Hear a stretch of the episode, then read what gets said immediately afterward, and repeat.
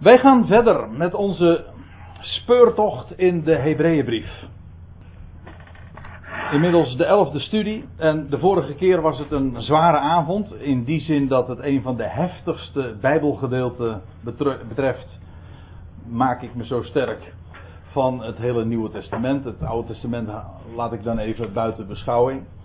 Maar ik denk dat ik daarmee toch niks te veel zeg. En we hebben daarbij ook uh, met name ons bezig gehouden met de historische context waarin die woorden uh, geplaatst zijn door God. In de Hebreeënbrief, gericht aan Israël. Met het oog op de gebeurtenis in het jaar 70 dat de stad verwoest werd en de tempel in vlammen opging. En tegen die achtergrond zijn die versen zeer goed te verstaan. Worden ze buitengewoon concreet en zodra je ze daaruit ligt, ja, dan wordt het een hel- en verdoemenisverhaal dat demonische proporties aanneemt. Waardoor vele mensen ook echt verduisterd zijn. En in ons lieve vaderland zijn er maar velen die, uh, die daaronder gebukt gaan. Ik denk dat we er altijd weer verstandig aan doen om, om de schriften te openen en om bij het licht daarvan te wandelen. Nou, zoals ik zojuist ook in mijn gebed aangaf. Juist om, om al dat soort dingen ook op het spoor te komen. Om, de, om het woord van God recht te verstaan. Goed. Ik stel voor dat we eerst even dat gedeelte zullen lezen wat ik vanavond dan met u wil gaan behandelen. En dat begint vanaf vers 9 van Hebreeën 6. En dat gaat door tot het einde van het hoofdstuk, vers 20. Ik maak me sterk dat we dat zo vanavond zullen kunnen behandelen. Althans, dat is mijn opzet. En dan kunnen we de volgende keer met hoofdstuk 7 verder gaan. Goed, ik lees vanaf vers 9 dus. Uit de MBG-vertaling. Maar wat u betreft, geliefden, ook al spreken wij zo, wij zijn overtuigd van iets beters, waaraan uw heil hangt. Want God is niet onrechtvaardig dat Hij uw werk zou vergeten en de liefde die gij voor Zijn naam getoond hebt, door de diensten welke gij de Heilige bewezen hebt en nog bewijst.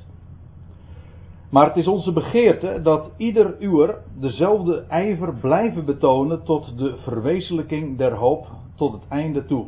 Opdat ge niet traag wordt, maar navolgers moogt zijn van hen die door geloof en geduld de belofte beërven. Want toen God aan Abraham zijn belofte deed, zwoer hij, omdat hij bij niemand hoger kon zweren bij zichzelf, zeggende: Voorzeker zal ik u zegenen en zekerlijk u vermeerderen. En zo, door geduld te oefenen, heeft deze het beloofde verkregen. Want mensen zweren bij wie hoger is en de eed dient hun tot bekrachtiging als einde van alle tegenspraak. Daarom heeft God, toen hij des te nadrukkelijker aan de erfgenamen der belofte het onveranderlijke van zijn raad wilde doen blijken, zich onder ede verbonden. Opdat door twee onveranderlijke dingen, waarbij het onmogelijk is dat God liegen zou, wij die tot hem de toevlucht genomen hebben, een krachtige aansporing zouden hebben om de hoop te grijpen die voor ons ligt. Haar hebben wij als een anker der ziel, dat veilig en vast is en dat reikt tot binnen het voorhangsel. Waarheen Jezus voor ons als voorloper is binnengegaan naar de ordening van Melchizedek, hoger priester geworden in eeuwigheid. Tot zover dus. En wat is er logischer dan te beginnen bij vers 9, waar, we, waar ik ook uit heb voorgelezen. Goed, nou ik gaf zo, zojuist al even aan waar, uh, waar we het de vorige keer over hadden. En ik heb het al eventjes opgefrist uit uw geheugen. En dat waren heftige woorden. Hele heftige woorden. En dan krijg je in vers 9 een wending in dat gedeelte. Dat blijkt uit het woordje maar. Maar wat u betreft, geliefden, ook al spreken wij zo, wij zijn overtuigd van iets beters waaraan uw heil hangt. Paulus heeft dus, nou ja, ik zeg weer Paulus, en dat heb ik uh, al heel vaak gedaan. Ik heb ook al heel vaak uitgelegd, of diverse keren uitgelegd, waarom ik inderdaad geloof dat het Paulus is. En toch uh, hecht ik eraan om uh, liever bij voorkeur gewoon anoniem, zoals hij zich in deze brief ook presenteert, de schrijver te noemen. De schrijver, die had dus gesproken over een, een, een massale afval onder de Hebreeën die in die dagen plaatsvond, maar ook nog zou, zou plaatsvinden. Maar dan is hier het contrast, als, als de schrijver dus zegt, wat u betreft, wat jullie betreft, geliefden, degene die hij nu aanspreekt, hij gelooft dat hij met hen, uh, dat er voor, ja, met hen uh, iets uh, heel anders aan de hand is, namelijk dat hij iets beters voor hen, uh, aan hen te bieden heeft. Ik bedoel, het voorgaande dat ging erover dat, dat zij die afvallen, afvielen in, in ongeloof en de, de Messias zouden afzweren. hoe dat massaal ook heeft plaatsgevonden. Wel, zij zouden hun einde vinden in de verwoesting van de stad. honderdduizenden, nee, wat zeg ik? ik geloof dat er zelfs, maar pin me er niet op vast, dat er in die dagen van het jaar 70 1,3 miljoen mensen daar in Jeruzalem en omstreken zijn omgekomen. Dus het is een gigantische slachting geweest. Wel, dat was uh, het, lot van, van velen, dus die, uh, van die Hebreeën. Maar uh, er was een, zoals altijd onder Israël, een gelovig overblijfsel. Dat, was, is een uitdrukking uit de, de profeten die je nogal eens aantreft. Een rest, een deel van het volk die wel in geloof stond op het woord van God. Wel, aan hen uh, schrijft de, hier de auteur en tot hen richt hij zich. Hij zegt wat jullie betreft, geliefden, uh, ook al spreken wij dus zo, zo heftig, wij zijn overtuigd van iets beters. Een woord dat in de Hebreeënbrief heel dikwijls wordt, wordt gebezigd het betere. Ik geloof dat ik er al eens een paar keer al op gewezen heb.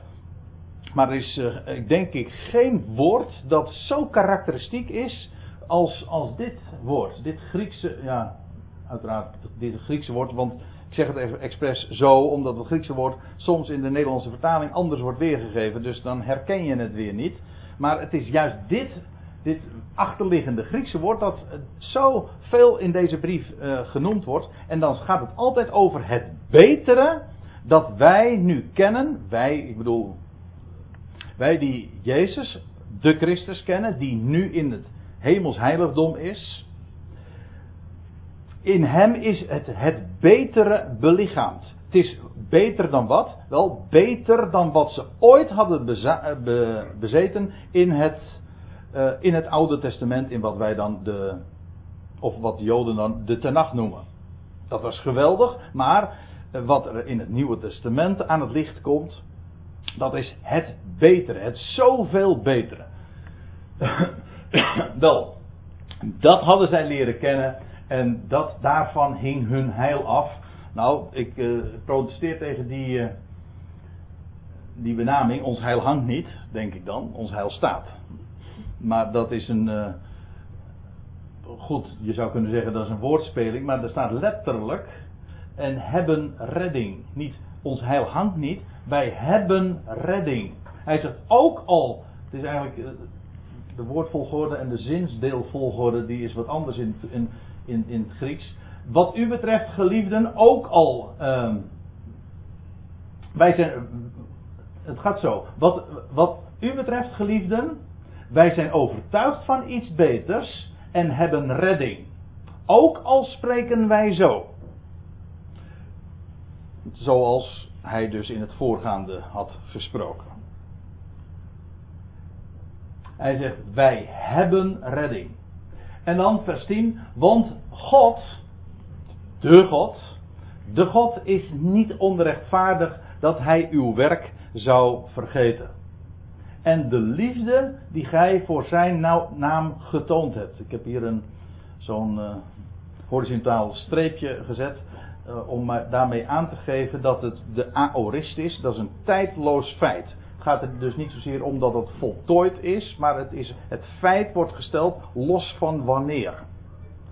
Die, die gij voor zijn naam toont, ongeacht wanneer. Dat is, dat is het idee. En nog een, eh, een woord wat ik heb onderstreept, dat is liefde. Dat is het, woord agape. Dat is belangeloos. Waarom heb, ik dat nu even onderstreept?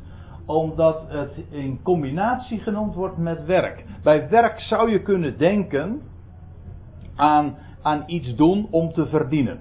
Dat is wat werk uh, meestal is. Maar hier wordt gesproken over, uw, over het werk van jullie en van de liefde. Eigenlijk is dit een nadere verklaring van dat. Uw werk, namelijk de liefde die gij betoont. Alles wat jullie gedaan hebben. Maar dat was niet om iets te verdienen. Dat is om, het was agape. Agape wil zeggen het is liefde die onvoorwaardelijk is. Maar ook het is belangeloos. Als je iets doet voor geld, wel dan is dat uiteraard niet belangeloos. Maar als je het gewoon doet om niet, en dat is wat zij deden. Het was Paulus, of heb je, me weer. De schrijver die, die noemt dat liefde. Agape. Volstrekt belangeloos. En daarmee toonde zo ook aan dat het dat zij van een ander soort waren dan zoveel van hun volksgenoten die ook de Messias hadden beleden. Maar waarom? Vooral doordat zij onder de indruk waren gekomen door de vele wondertekenen die in die dagen hadden plaatsgevonden. Zij waren door de ogen overtuigd en ja, dat was toch wel heel erg um, sensationeel. Ja, dat is wel het woord. Dat, is, dat was sensatie. Daardoor waren ze overmeesterd. En in het boek Handelingen, dat was geweldig. Maar velen zijn door, door dat wat ze gezien hebben, zijn ze overgestoken. En zijn zij ook uh, tot geloof in de Messias gekomen, maar het zat niet hier. Het was geen liefde, geen agape. Wel, de schrijver zegt hier: het is, het is liefde die jullie voor zijn naam tonen. En uh, later in de brief zullen we dat nog uh, wat gedetailleerder zien. Want dan vind je in hoofdstuk 10. Ik weet even niet of ik het zo snel kan zien. Of kan terugvinden. Ja. Nou ja, laat ik inderdaad even lezen. Hebreeën 10 staat er in vers 32. Herinnert u de dagen van weleer, toen gij, na verlicht te zijn, zo menigmaal lijden doorworsteld hebt? Het zij zelf een schouwspel van smaad en verdrukking. Het zij deelnemend aan het lot van hen die in zulke toestand verkeren. En dan komt het. Want gij hebt met de gevangenen meegeleden en de roof van uw bezit blijmoedig aanvaard. Want gij wist dat gij zelf een beter en blijvend bezit hebt. Heb je het weer? Beter. Een beter bezit hebt. Nou, met name dat laatste vers. Jullie hebben met de gevangenen meegeleden, maar dat niet alleen, maar ook de roof van je bezittingen. Moet je even concreet voorstellen. Dat dat wat je bezit, je huis en je haard, alles wat je hebt. Je, de roof van je bezittingen heb je met blijdschap aanvaard. Zoals je dat ook vaker in het boek Handelingen aantreft, dat men uh, zich vereerd uh, voelde met, om het feit dat ze mochten lijden voor de naam. Nou, hier lees je het ook. De, het, de roof van hun bezittingen hadden ze met blijmoedig aanvaard. Ze hadden gedeeld in het lot van anderen die in moeite waren of gevangens in gevangenschap. Wel, daaruit bleek hun liefde. En God, zou, al zou de schrijver het al vergeten, God zou in ieder geval dat niet vergeten. De liefde die zij aan dat dag hadden gelegd. En staat er dan bij door de dienst uh, door de dienst welke gij de heilige bewezen hebt en nog bewijst. Ook hier voor de fijnproevers onder u. Er staat hier eigenlijk uh, die gij de heilige bewezen hebt. Aorist, die gij de heilige bewijst en bewijzend bent in de tegenwoordige tijd. Maar in de praktijk uh, komt deze weergave in het Nederlands aardig overeen met, met de bedoeling van de grondtekst. Dus dat is wat God zeker niet zal vergeten. En daarom was de schrijver ook overtuigd van dat, van dat betere wat God voornemens was met hen. Maar, zegt hij dan in vers 11, het is onze begeerte, wij verlangen ernaar, uh, dat ieder uwer, dat iedereen van jullie dezelfde ijver betonen tot de verwezenlijking der hoop tot het einde toe. Nou, u ziet al, dat woordje blijven, dat, dat heb ik doorgesteld, dat staat er namelijk ook niet. Het gaat erom dat hij zegt, de ijver die jullie hebben, uh, dat die, de, ijver die jullie hadden en uh, hebben betoond, uh, betoon die ook, en dan staat het tot de verwezenlijking. U ziet, ik meen trouwens dat de Statenvertaling heeft tot de volle verzekerdheid. Klopt dat? Ja. Ja. Nou, dat is nogal wat anders, de verwezenlijking. Kijk, het idee wat de NBG nu hier uh, geeft, is dat totdat de hoop, die we niet zien, maar eens verwezenlijkt wordt. Dat is. Maar het gaat hier over de volle zekerheid van de hoop. Of, ja, het woord hoop uh, is een uh, beetje arbitrair. Want het woord verwachting, expectation, is veel beter. Hoop, dat is, daar zit onzekerheid in het Nederlands. Het, het woord dat uh, de schrift daarvoor gebruikt, dat is verwachting. Dat is zeker. Als je iets hoopt, dan ben je nog niet zeker van dat het inderdaad zo gebeurt. Als je iets verwacht, dan weet je, of dan ga je ervan uit dat het inderdaad zo zal plaatsvinden. Wel, dat is het woord wat gebruikt wordt. En wij zijn, omdat we gebaseerd, ons baseren, en de Hebreeën baseerden zich op het woord Gods, wel, met het, let op hoe het staat. Dit is een, een hele letterlijke weergave, maar ik zal het even toelichten. Dat ieder van u diezelfde ijver betonen, voortdurend, namelijk met het naartoe, dat wil zeggen met het oog op de volle zekerheid van de verwachting. Dus het is niet maar ijverig blijven eh, bezig, uh, bezig blijven totdat eindelijk die hoop dan gerealiseerd wordt. Nee, het idee is dat we ijver betonen. Waarom? Omdat we gericht zijn op. Dat is dat, dat, dat Griekse voorzetsel, pros gericht zijn op met het oog op de volle zekerheid van de verwachting. Omdat het een volle zekerheid is van verwachting, we daarop gericht zijn, dan genereert dat die ijver. Je moet wel de, je moet niet het paard achter de wagen spannen. Die ijver is gebaseerd, komt voort uit de, het feit dat je gericht bent, eh, met, met de neus in de goede richting staat. Kijken, namelijk gericht op de volle zekerheid van de verwachting. Zullen we dat straks uh, nog een keer zien?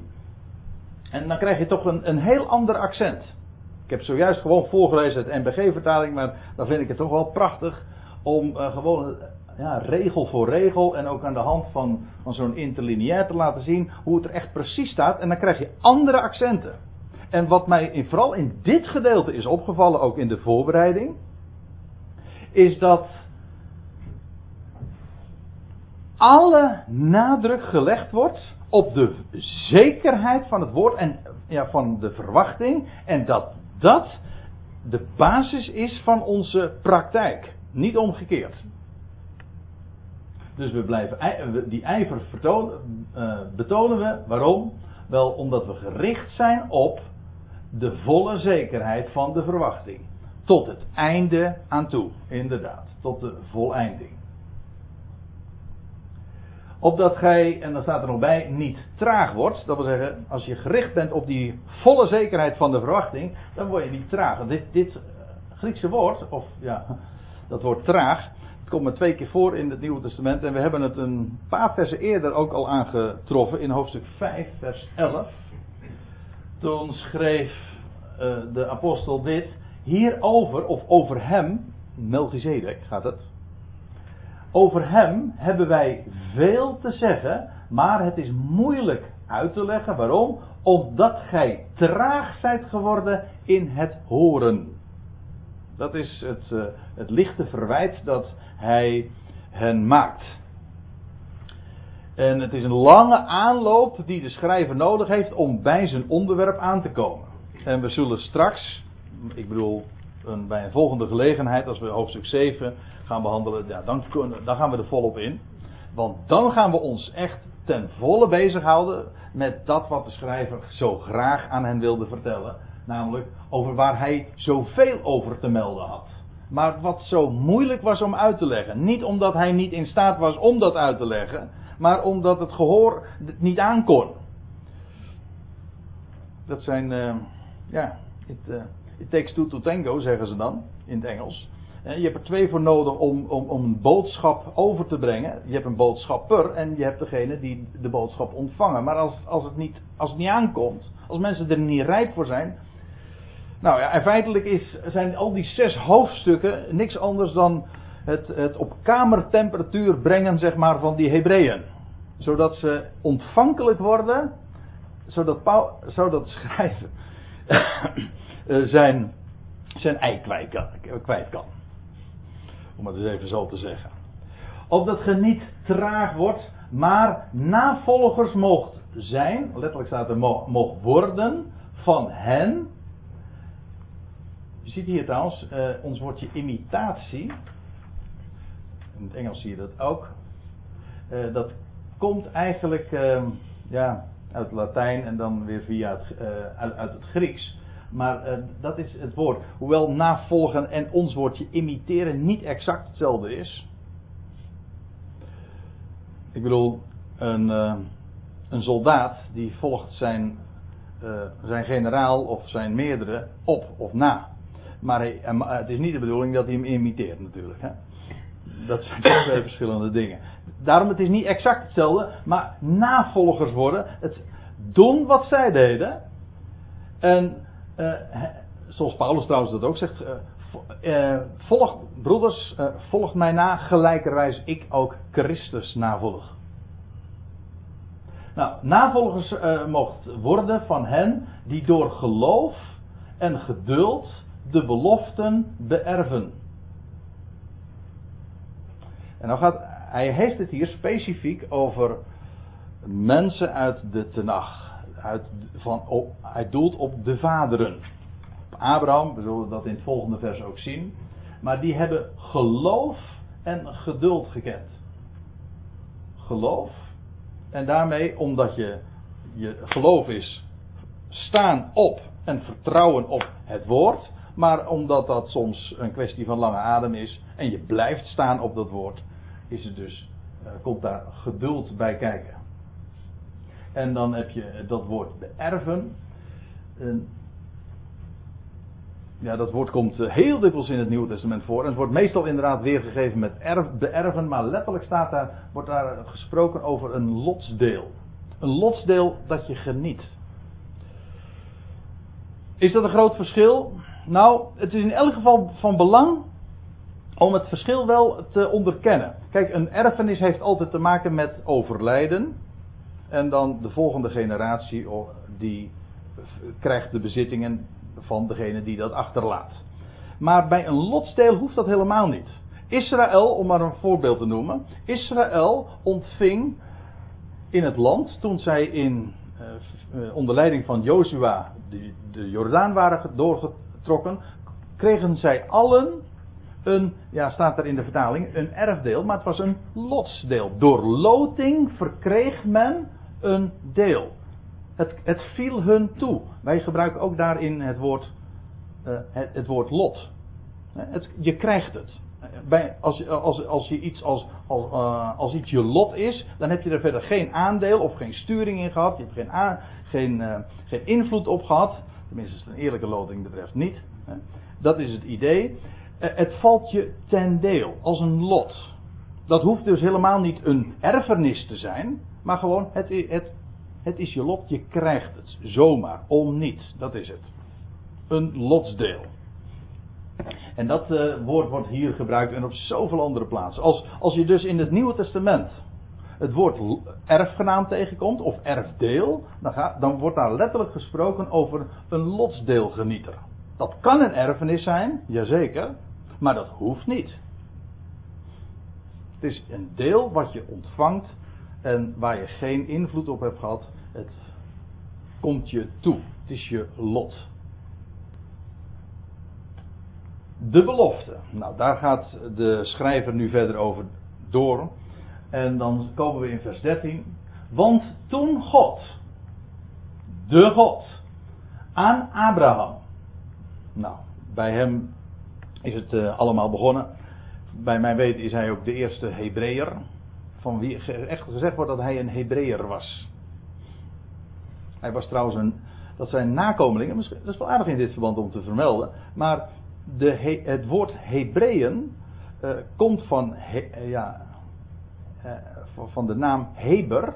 Dat is een, een stamvader van Abraham. Als ik me niet vergis was het de overgrootvader van Terach. Maar daar blijf ik van af. In elk geval, het zou de opa geweest kunnen zijn. Heber. En daar is ook het woord Hebreeën, maar ook Hebreeuws van afgeleid. Letterlijk betekent het iemand van de overkant.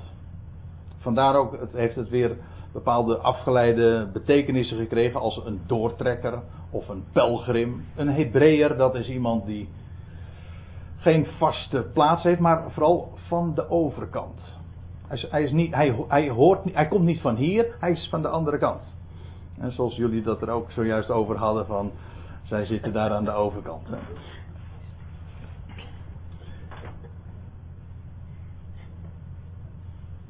Uh, God had aan Abraham uh, zijn uh, belofte gedaan. en dan lees je, hij zwoer. Want toen God aan Abraham zijn belofte deed, zwoer hij. Omdat hij bij niemand hoger kon zweren dan bij zichzelf. Dat is de wijze waarop God het bij sommige gelegenheden doet dat hij zweert. Hoewel in de Bijbel er heel dikwijls gerefereerd wordt aan de eetzweringen die God doet. Maar dan komt dat vaak omdat er herinnerd wordt aan de eetzwering die God ooit gedaan had. Dus echte eetzweringen is maar, uh, dat zijn vrij zeldzame verschijnselen in de Bijbel, dat God dat doet. Als, normaal gesproken is het zo dat God belooft. Dat is genoeg. Maar bij een stuk of vijf, zes gelegenheden lees je, ik ga er straks ook nog een paar andere noemen, dat God een eed zweert. En Hebreeën 6 gaat daarop op dat fenomeen in. En kijk, bij een menselijke eedzwering is het zo dat je de Allerhoogste aanroept. Maar wat moet, goed, wat, wat moet God dan doen als hij wil zweren? Als hij zijn belofte wil bekrachtigen? Wel, dan zweert hij ook bij de Allerhoogste, maar dat is hij zelf. Dus daarom staat er, omdat hij bij niemand hoger kon zweren, zweert hij dus bij zichzelf. En dat uh, wordt nog wel eens een keer genoemd. En waarom dat zo is, nou dat wordt dan uitgelegd. Eerst wordt nog even dit vermeld, namelijk welke, eh, over welke belofte, wat sterker, welke eedswering de schrijver het hier heeft. Hij heeft het over de eedswering aan Abraham toen God zei, namelijk in Genesis 22, voorzeker, uh, ik zal ik u zegenen en zekerlijk zal uh, en u vermeerderen. Zo'n typisch Hebreeuwse manier wordt dat gezegd. Ik zal, zegenen zal ik u zegenen en vermeerderen zal ik u vermeerderen. Dat zijn, zijn typische Hebreeuwse uitdrukkingsmanieren.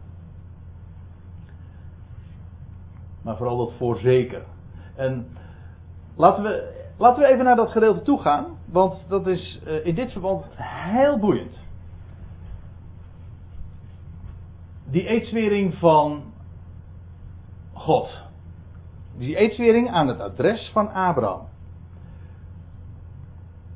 Je leest uh, in Genesis 22, en die, dat is de geschiedenis dat Abraham geroepen wordt om zijn zoon Isaac te offeren. En dat doet hij dat ook. En dan lees je dat hij op weg uh, gaat naar het land Moria, waar later dus de tempel zou ge, gebouwd worden. Dat is heel opmerkelijk. Maar op duizend jaar voordat Salomo de eerste steen ging leggen voor de tempelbouw, uh, had, God, had Abraham daar op diezelfde locatie al zijn zoon, zijn enige, geofferd. En dan lees je dat Abraham op, hij, woonde in Beersheba, ging op reis. En op de derde dag lees je dan, ja staat erbij in Genesis 22, op de derde dag sloeg hij zijn ogen op en hij zag de plaats waar, hij, waar dat moest gebeuren.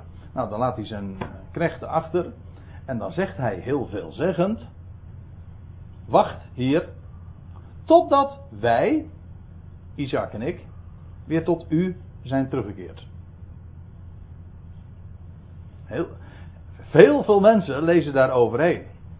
En heel veel mensen, ik heb daar zo vaak ook uh, allerlei verhalen over gehoord, over preken. En, en op de zonderschool leent het zich ook natuurlijk enorm om daar een heel mooi verhaal van te maken over de enorme tweestrijd die uh, Abraham in zijn hart gehad heeft toen hij Abraham ging offeren, of eh, pardon, zijn zoon moest gaan offeren. En, en, dat hij het zo moeilijk heeft gehad. Niets daarvan wordt daarvan vermeld in Genesis. Niets. Er wordt heel nuchter vermeld wat er gebeurde. En er wordt heel nuchter vermeld wat Abraham gezegd heeft. Tegen zijn knechten: Wij keren gewoon weer terug naar jullie. Hij wist dus, wat er ook zou gaan gebeuren, Isaac komt hier weer terug. En later, we zullen daar straks op, eh, nou straks, als we bij Hebreeën 11 aangekomen zijn, zullen we daar nog uh, over gaan, uh, na, gaan nadenken. Want daar wordt heel expliciet nog eraan herinnerd dat Abraham, die heeft overwogen dat God bij machten was zijn zoon uit de doden te doen opwekken. Dus het was zijn logica, zeggen nou God had, heeft gezegd door Isaac zal men van nageslacht van u spreken. Ik moet Isaac offeren. Dat betekent dus dat Isaac weer uit de doden opstaat. Zo simpel is dat. Hij heeft dus ook, en dan staat er ook, ook nog bij in, uh, in Hebreeën 11, van hij heeft overwogen dat God bij machten was hem uit de doden op te, wakken, op te wekken. En bij, en bij wijze van gelijkenis heeft hij hen daar ook weder uit ontvangen. Ik geloof dat ik vrijwel letterlijk zo citeer. Die enige zoon, op de derde dag, kreeg hij hem weer terug uit de doden.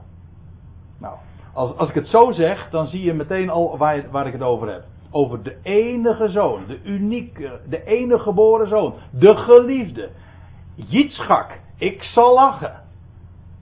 Die daar in de, in de streek van de tempel van Jeruzalem geofferd wordt. En op de derde dag krijgt Abraham zijn zoon terug.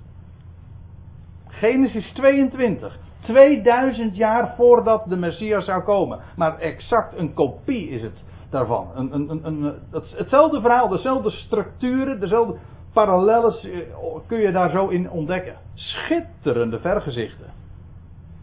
Nou, toen riep de engel des Heren, want zo verscheen God, hij bediende zich van een boodschapper, maar die namens hem spreekt. En toen riep de boodschapper des Heren ten tweede male van de hemel tot Abraham en zeide: Ik zweer bij mijzelf.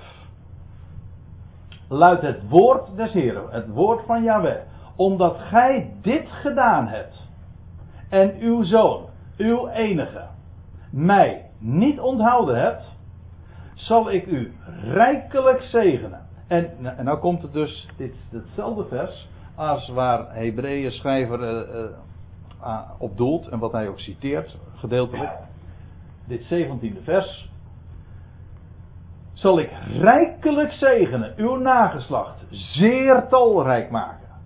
Als de sterren des hemels en als het zand aan de oever der zee. En uw nageslacht, uw zaad zal de poort van zijn vijanden in bezit nemen. Voor een deel is dit nog steeds toekomstmuziek. Maar in elk geval, God doet zijn belofte gestand. Hij zou. Maar een paar dingen. Als het gaat over deze eedswering die God doet. Het is de eerste keer trouwens in de Bijbel dat God een eed zweert. God had al heel wat keren beloften gedaan, maar dit, dit hier in Genesis 22 is de eerste keer dat God een eed zweert. En dat doet hij op grond van het offer van de enige zoon. De zoon van Abraham. Als ik het zo zeg, dan moet ik meteen denken aan Matthäus 1, vers 1, dat het Nieuwe Testament, dat, dat vangt aan met deze woorden. Het geslachtsregister van Jezus Christus, de zoon van Abraham, de zoon van David. Ja, wel, op grond van het offer van de enige zoon wordt deze eedswering gedaan. En ik, het kan natuurlijk niet missen dat hier natuurlijk zo enorm veel typologie, zo voor oprapen ligt. En daarom zal God uh, zijn, het zaad van Abraham rijkelijk zegenen. Op grond van het offer van de enige zoon, die op de derde dag weer bij wijze van spreken uit de doden was opgestaan. Ja, nou, nou gebruik ik even beeld en, en werkelijkheid door elkaar. Maar goed, en uw nageslacht zal ik zeer talrijk maken. En er staat erbij als de sterren des hemels en als het zand aan de oever van de zee. Nou, ik vind het te, te waardevol om daar nu even aan voorbij te gaan. Want dat, zijn, dat is tweeërlei nageslacht. Als de sterren des hemels. Het zaad van Abraham. U en ik horen daarbij. Als je, als je vandaag gelooft in de Heer Jezus Christus dan, en behoort bij zijn lichaam, dan ben je uh, zaad van Abraham. Zo, zo, zegt Paulus dat ook in Galaten 3. Als gij gelooft, uh, hoe zegt hij dat in Galaten 3, vers. Ik moet even goed citeren. Indien gij nu, het laatste vers van Galaten 3, indien gij nu van Christus zijt, dan zijt gij zaad van Abraham en naar de, er de belofte erfgenamen of lotsdeelgenieters. Wel, wij zijn zaad van Abraham, wij hebben een hemelsdeel. Ik zeg niet dat Abraham dit allemaal begrepen heeft, maar als, jij, als wij dit omgekeerd achteraf lezen, dan is dit herkenbaar. Dan zeg je, het zaad van Abraham, ja, dat, dat heeft een, een hemelse bestemming, als de sterren des hemels, maar ook als het zand aan de oever van de zee. Dat is het aardse deel. Dat is trouwens ook erg mooi. Als je er even over, uh, over doordenkt, maar ook wat, wat let op de wijze waarop dat geformuleerd wordt. Het zand aan de oever van de zee. Wel, de zee in de Bijbel, dat is een beeld van de volkerenwereld. En het, het strand, ja, dat is eh, het zand dat de zee heeft aangespoeld. En dat is het nageslag van Abraham, Israël. Israël, dat is als het zand aan de oever van de zee. Het is uit de volkeren verzameld. Ik heb het nu dus over, ook over de toekomst. Dan zal het uit de volkeren worden verzameld, uit de, de zee worden aangespoeld. En vandaar ook die vergelijking. Ah, het, het, zaad van Abraham, het nageslag van Abraham, dat zou zijn als het zand aan de oever van de zee. En dan zal ook in het Messiaanse Rijk uh, het nageslag van Abraham de poort van zijn vijanden in bezit nemen. Kortom, wat er, in, wat er gaat gebeuren is dat het zaad van Abraham de wereld zal beheersen. Een Israëlitisch koninkrijk wel, dat was allemaal al beloofd en lag vast in de eedswering die God gedaan heeft. Dus niet alleen maar een belofte, het is een eedswering. Nou ja, dat zijn zo van die gedachten die zich dan aan je opdringen wanneer je die woorden leest.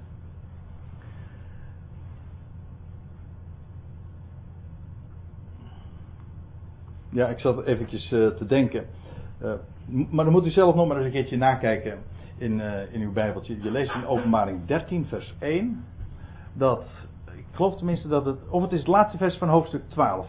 Dat, uh, dan wordt er gezegd, dan ziet uh, Johannes een beest uit de, de zee komen. Met die zeven koppen, tien horens. Maar dan staat er, vlak voordat, hij, voordat dat wordt opgemerkt, dan wordt er, wordt er gezegd dat over de auteur zelf, Johannes, dat ik stond op het, op het zand der zee. Ik kan voor mij niet missen, hij stond gewoon daar in het land van Israël. En van daaruit ziet hij dat wat er in de volkerenwereld gebeurt. Nou ja, even een opmerking eh, terzijde. Ik moest er even aan denken toen ik dit las. De, nou moeten we weer eventjes uh, teruggrijpen, want we hadden het dus over de eedswering die God doet. En wat, waar, ging het nou ook weer over? Wel, uh, hou vast aan die belofte, sta daarop, net zoals ooit uh, zij de, dat voor, jou hebben, voor jullie hebben gedaan en geloof en geduld hebben geoefend, zoals God aan Abraham al een belofte gezworen heeft. En dan staat er dus dit, ik zal u zegen en u zekerlijk vermeerderen.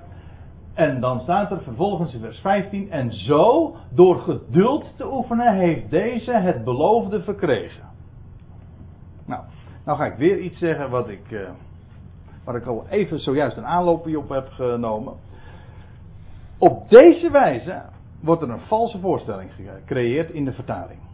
Dit woordje oefenen staat er niet. Ik heb het ook doorgestreept. Als u trouwens ook hier ziet, dat is het leuke van zo'n interlineair, niet waar André?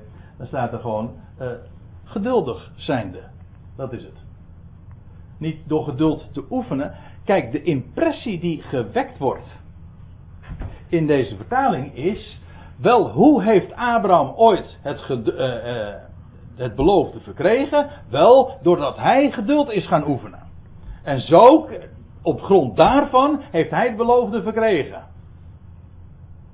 Dat is, zo, dat is de wijze waarop uh, dat hier uh, geformuleerd wordt, de, het idee gewekt wordt, met name door dat woordje oefenen.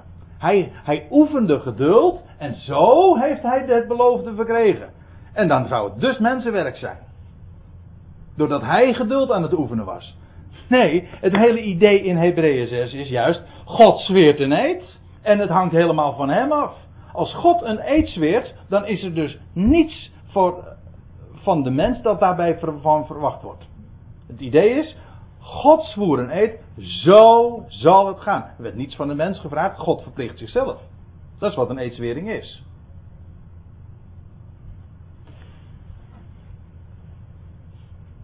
Niet door geduld te trainen en door uh, te oefenen uh, is het belofte verkregen. Nee, God heeft beloofd. Kijk, dat is het hele punt bij Abraham.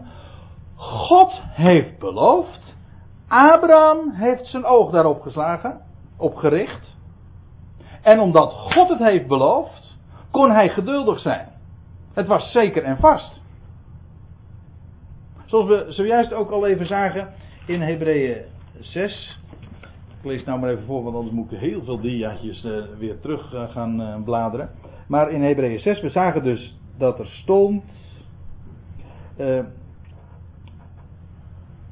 tot de, tot de volle.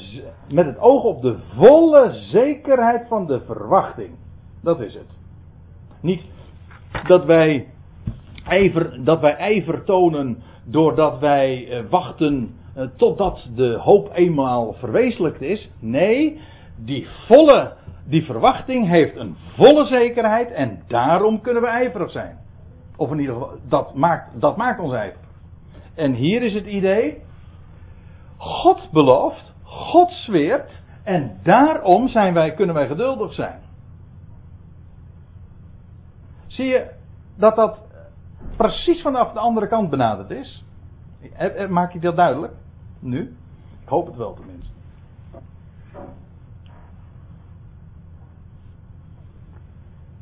Dus niet het, nogmaals, niet door geduld te oefenen, maar doordat het beloofde vast en zeker is. God zweert en dus staat het vast. Daarom kun, kon Abraham geduldig zijn. Ja, je kan, dan heb je de tijd. En al duurt het dan heel erg lang, als jij weet, God heeft gesproken, dan maakt dat niet uit, want het gebeurt wel. Ik zeg niet dat het dan niet lang duurt, of dat, dat, dat je niet eens een keertje denkt van, jongen, jongen, wat een tijd. En wat gaat de tijd langzaam? En wat duurt het toch lang? Maar hoe kun je geduldig zijn? Hoe kun je echt geduldig zijn? Langmoedig, hè? Een ander woord. Niet als een opgeklopte eh, activiteit van een mens, van doordat je jezelf aan het verbeteren bent, door allerlei eh, technieken. Nee, dat is, heeft te maken met een zekerheid. God heeft gesproken. En al duurt het veel langer. Ik bedoel, neem Abraham. Abraham was op 75-jarige leeftijd. Zo oud was hij. Werd een belofte gedaan van een zoon. Heeft nog tientallen jaren geduurd voordat hij daadwerkelijk vader werd. En ik kan me zo voorstellen dat Abraham en Sarah zo wel eens een keertje tegen elkaar gezegd zullen hebben van nou. En ik weet ook wel dat er ook wel uh, uh, zwakke periodes geweest zijn. Dat ze dachten, nou, misschien moeten we God dan toch maar een handje helpen. En toen is het. Uh, toen heeft hij het avontuur aangegaan met uh, Hagar. Nou ja, dat uh, was ook niet erg succesvol. Dat is nooit succesvol. Als je, als je gewoon gelooft in wat God zegt. Dan, uh, hoe, hoe, is het spreekwoord ook alweer? Gods molens malen langzaam, maar wel heel zeker. Kijk, we hebben te maken met de God der eeuwen. De God van de Ionen. Hij heeft de tijd. Hij heeft de tijd gemaakt. Dus daarop, op die zekerheid, is geduld gebaseerd. En dan is geduld geen werk, maar een vrucht. En dat is een wereld van verschil. In het ene geval is het een werk van het vlees, misschien een godsdienstig werk, maar in het andere geval is het het, het werk van God. En is het een vrucht die groeit op de zekerheid van zijn woord. En die vrucht groeit als vanzelf. En het is geen mensenwerk. En dus, hoe heeft hij het beloofde verkregen? Wel, geduldig zijnde. Niet doordat hij geduld ging oefenen, maar hij was zeker van het beloofde en daarom kon hij geduldig zijn. Nou, ik geloof dat ik het nou wel zo eh, goed gezegd heb. Want Staat er dan nog. Oh, nog steeds is het 8 uur, zie ik. Ja, dat klopt. Nee, oh, wacht even. Ik, uh, hoe, hoe, laat is het? Tien voor negen. Oh. Ja, dat, ja, ja, ik had het net over de tijd. Hè. Ja, dat, dat de tijd zo langzaam kan gaan. Ja. Ja. Oké, we gaan nog, eh, nog even verder. Uh, in vers 16. Want mensen zweren bij wie hoger is. En de eed dient, en de eed, uh, die dient hun tot bekrachtiging als einde van alle tegenspraak. Een eed zweer je niet zomaar. Die is in, in, in Israël, je leest trouwens dat in de bergreden dat Jezus daar ook op aanhaakt. Dat hij zegt van, dat je niet zomaar zou zweren. Eh, de, de, naam van God, dat is in wezen ook de naam van God ijdel gebruiken. Altijd maar God erbij halen. Dat is een godsdienstige variant God erbij in feite voor je karretje spannen. Maar een eedswering is, he, dient voor een unieke gelegenheid. Dat is bij ons trouwens nog steeds zo. Eh, als je een hele plechtige belofte moet doen.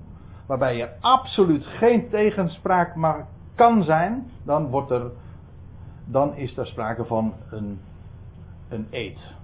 Ja, als je de Allerhoogste niet kent, dan kun je alleen maar beloven. Dan zeg je, ik beloof het. Maar dat is het mooie, als je God kent, dan kun je Hem, de Allerhoogste, tot getuige aanroepen. En dat is wat een eed ook is. Als je Hem aanroept tot getuige, dat is het einde van alle tegenspraak. Wel, dat is bij mensen gewoon. En, al, en, en mensen kunnen trouwens uh, zich daar ook niet aan houden. En dan spreken we van mijn eed. Maar God doet dat dus ook. Want mensen zweren bij wie hoger is en de eed dient hun tot bekrachtiging.